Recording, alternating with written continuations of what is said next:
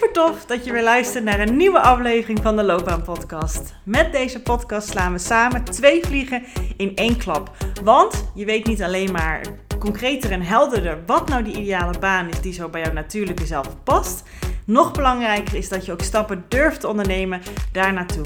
Dus deze gouden combinatie zorgt ervoor dat je niet meer vanuit twijfel, onzekerheid en jezelf proberen te forceren, te laten denken over jouw loopbaan en wat je daarin wil, maar dat je vanuit zelfvertrouwen, plezier en energie actie gaat ondernemen voor jouw loopbaan. Dus let's go!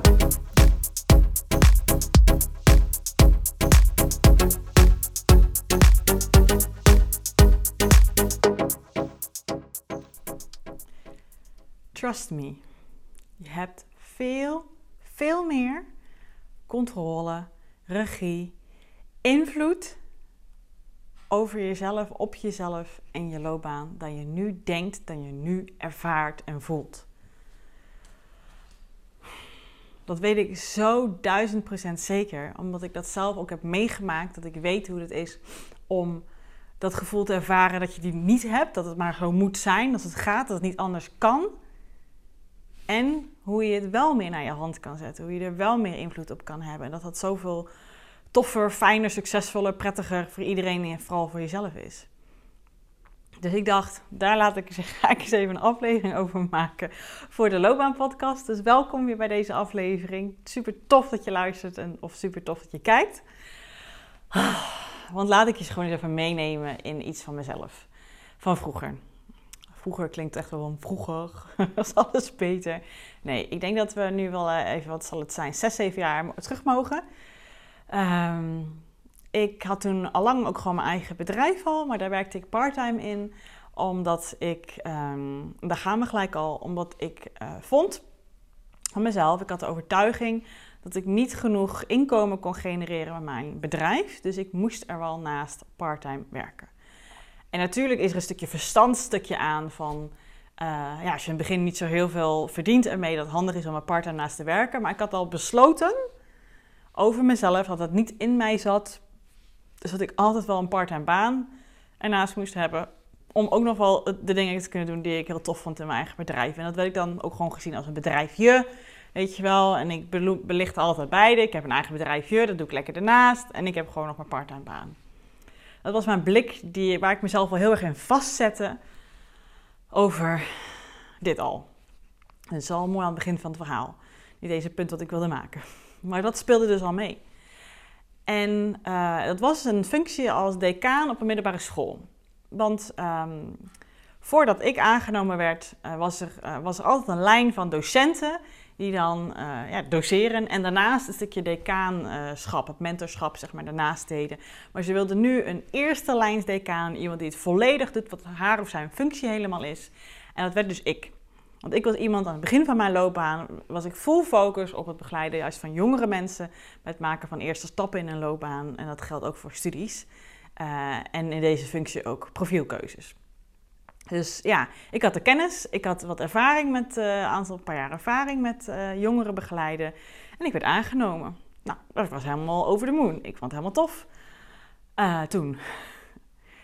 En ik begon die functie uit te voeren en langzamerhand kwam ik er dus achter dat die functie totaal niet paste bij mij. Maar dat had ik toen nog niet door. Want wat deed ik dus? Um, die man die hiervoor dus uh, het werk deed, die uh, vertelde hoe hij het aanpakte. Nou, ik dacht niet eens na. Ik dacht, oké, zo moet ik het dus gewoon gaan doen. Want er stond ook in de functieomschrijving. Zo pakte hij het op.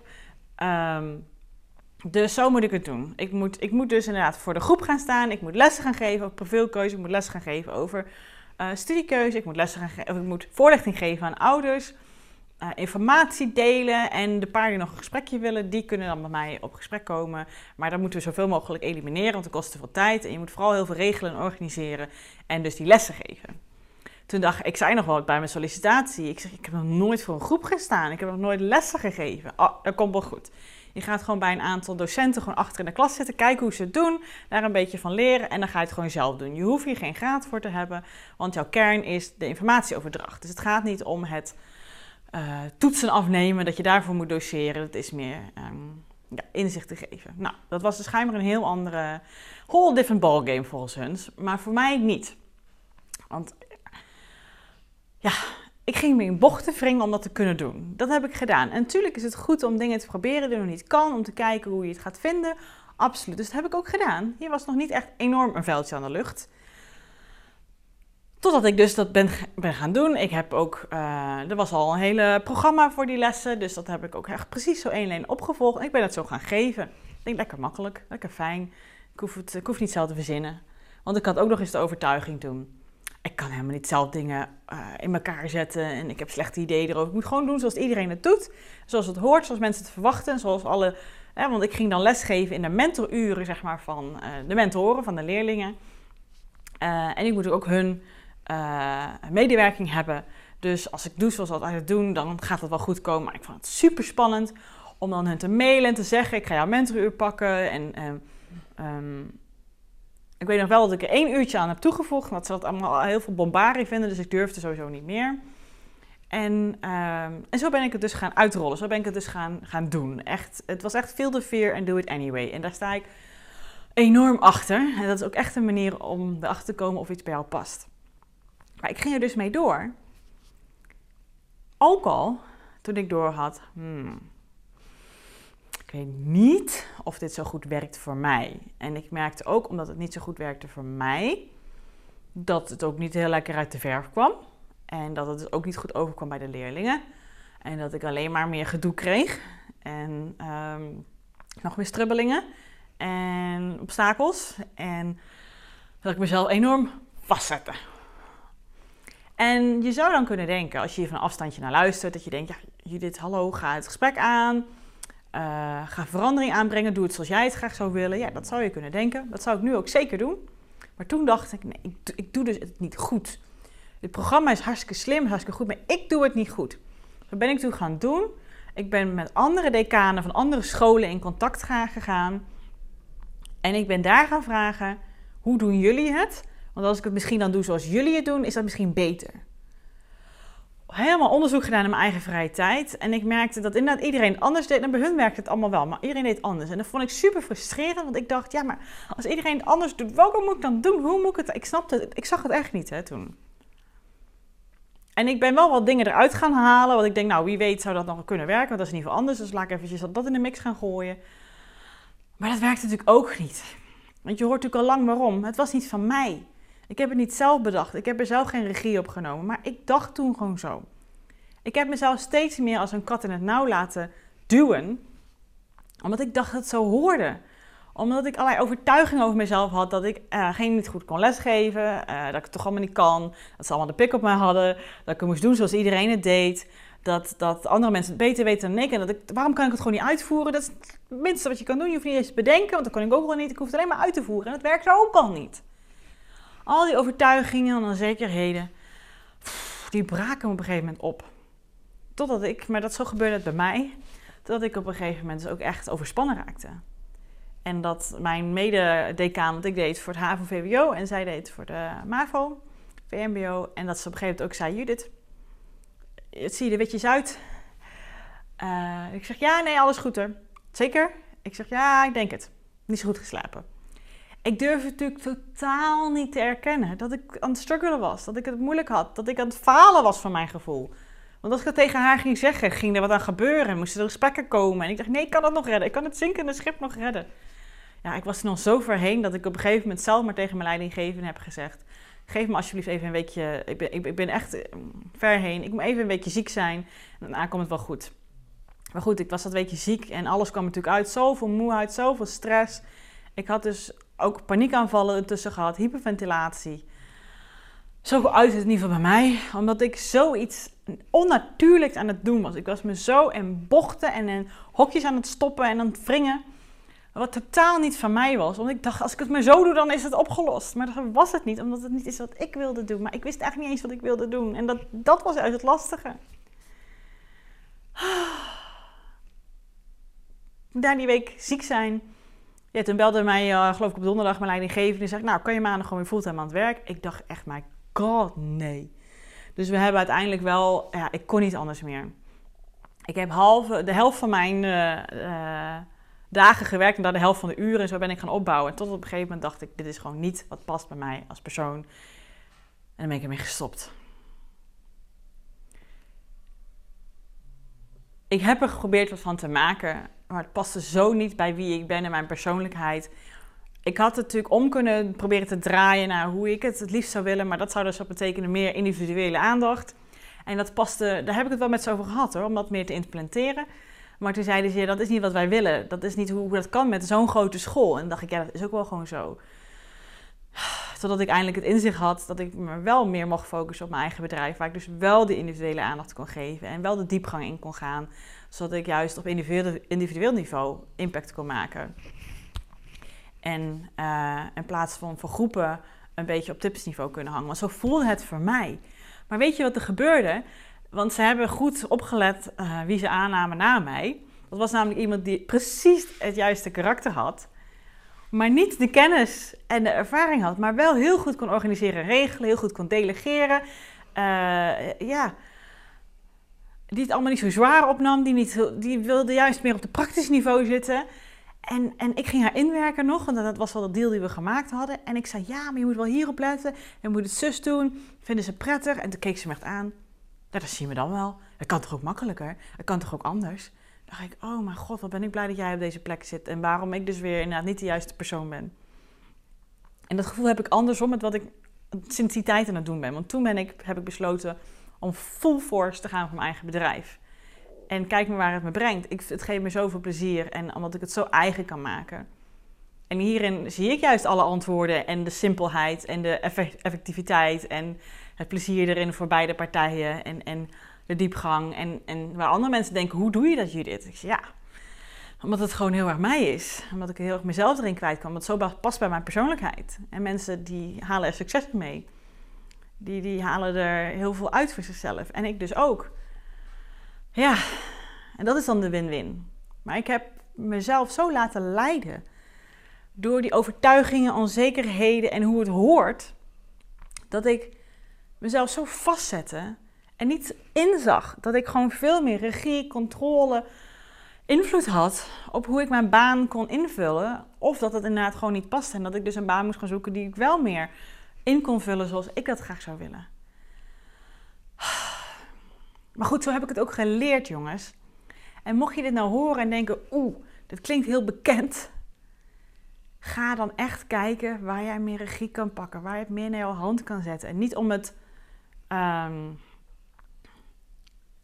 ja, hoe moet je dat zeggen? Niet, niet van, maar ik wil het niet zo doen, dus gaan we niet zo doen. Maar wel meer van, hoe kan je hier een win-win van maken? Hoe kan je hier meer jezelf in kwijt, zodat er ook meer kwaliteit uitkomt? Zodat er ook meer echt een win-win-win. Dat je baas er ook heel blij mee is, dat jij er blij mee is, dat er een mooie kwaliteit uitkomt. Dat, het, dat, dat bedoel ik hiermee. Dus het is niet van, uh, ik kan dat nog niet, dus dat gaan we maar niet doen. Ik ga dan alleen maar de dingen doen die ik nu wel kan. Nee, het gaat om die win-win creëren. Want anders zit je weer vast in een bepaalde overtuiging over jezelf. En challenge jezelf er absoluut in. Ik bedoel, dat heb ik wel gedaan. Ik heb er zoveel van geleerd, omdat ik mezelf wel heb proberen uit te zoeken... Uh, of ik wel kan lesgeven of niet. Het waren, zat allemaal onzekerheden onder en zo, waardoor het ook anders ging. Ik bedoel, ik geef nu workshops al een paar jaar. En daarin heb ik mezelf enorm ontwikkeld, omdat het kleinere groepjes zijn en daar kan ik ook de diepgang in. Dus daar zit een mooie combinatie ehm, in. Maar voor een bepaalde leeftijdsgroep en een bepaalde grootte van de groep, waar andere vaardigheden, skills, persoonlijkheid voor gevraagd wordt, was dat, was dat echt niet mogelijk. Daar heb ik naar gezocht. En ik heb het nu omgevormd naar workshops. En daar kan het wel in, want dat zijn mensen die zichzelf opgeven ervoor. Fantastisch, dat doe ik nog steeds. Dat zijn nog studenten van de universiteit. En dat doe ik nog steeds met heel veel liefde, wilde ik zeggen, maar dat is het ook zo en heel veel plezier. En nu ben ik me uh, ja, echt full force aan het richten op loopbaanbegeleiding. Maar dat stukje vind ik toch nog leuk om erbij te houden. Die studenten die echt op de, ja, op de, de rand staan om, om de arbeidsmarkt te gaan betreden en die het super spannend vinden. Um, en daarnaast, 95% van de tijd ben ik dus bezig met loopbaanbegeleiding individueel. En dat is voor mij de win-win. En zo heb ik uiteindelijk, omdat ik die mogelijkheden weer zag, veel meer regie over mezelf en mijn loopbaan kunnen pakken. Dus wederom, als jij je erop aangesproken voelt, ga eens zuiver kijken naar waar Zitten nog bepaalde overtuigingen over jezelf dat jij denkt dat kan ik niet, dat past niet bij mij, dat mag niet zo. Ga eens toetsen of dat echt kloppend is. Ga er eens in spelen om te zien hoeveel ruimte je eigenlijk daarin mag hebben. En veel meer dan je denkt nu. 100%.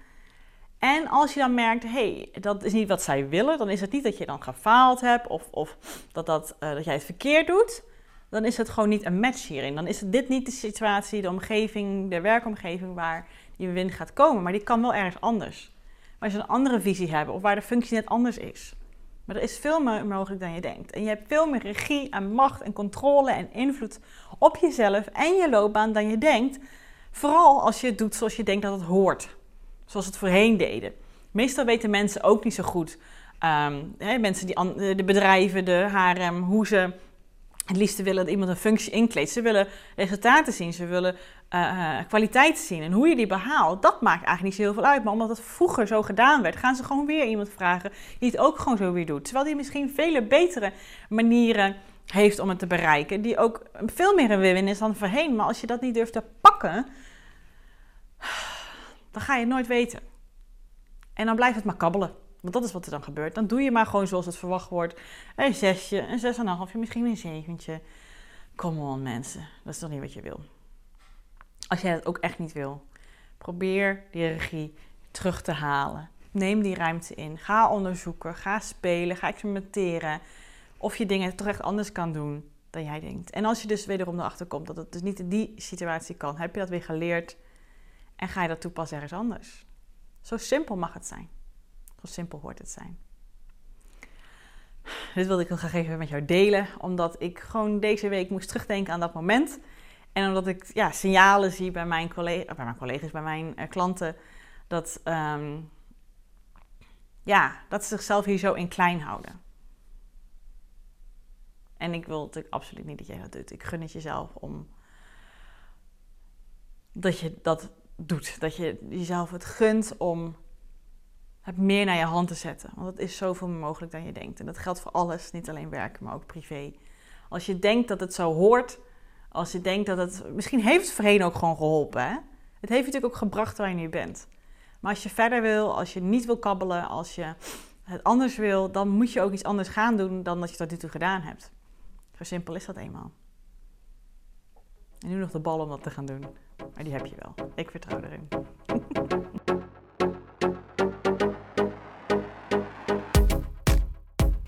Geweldig dat je deze episode hebt geluisterd om meer regie over jezelf en je loopbaan te nemen. En ben je dan ook eens ready for the next step? Dan kan je een gratis check-up gesprek inplannen in mijn agenda. Want in dit gesprek kan je al jouw persoonlijke vragen en strubbelingen met mij delen, zodat ik er met jou mee kan denken en kan sparren met jou. Nou, dat doe je door als eerste naar www.keuzeflow.nl/slash checkup te gaan.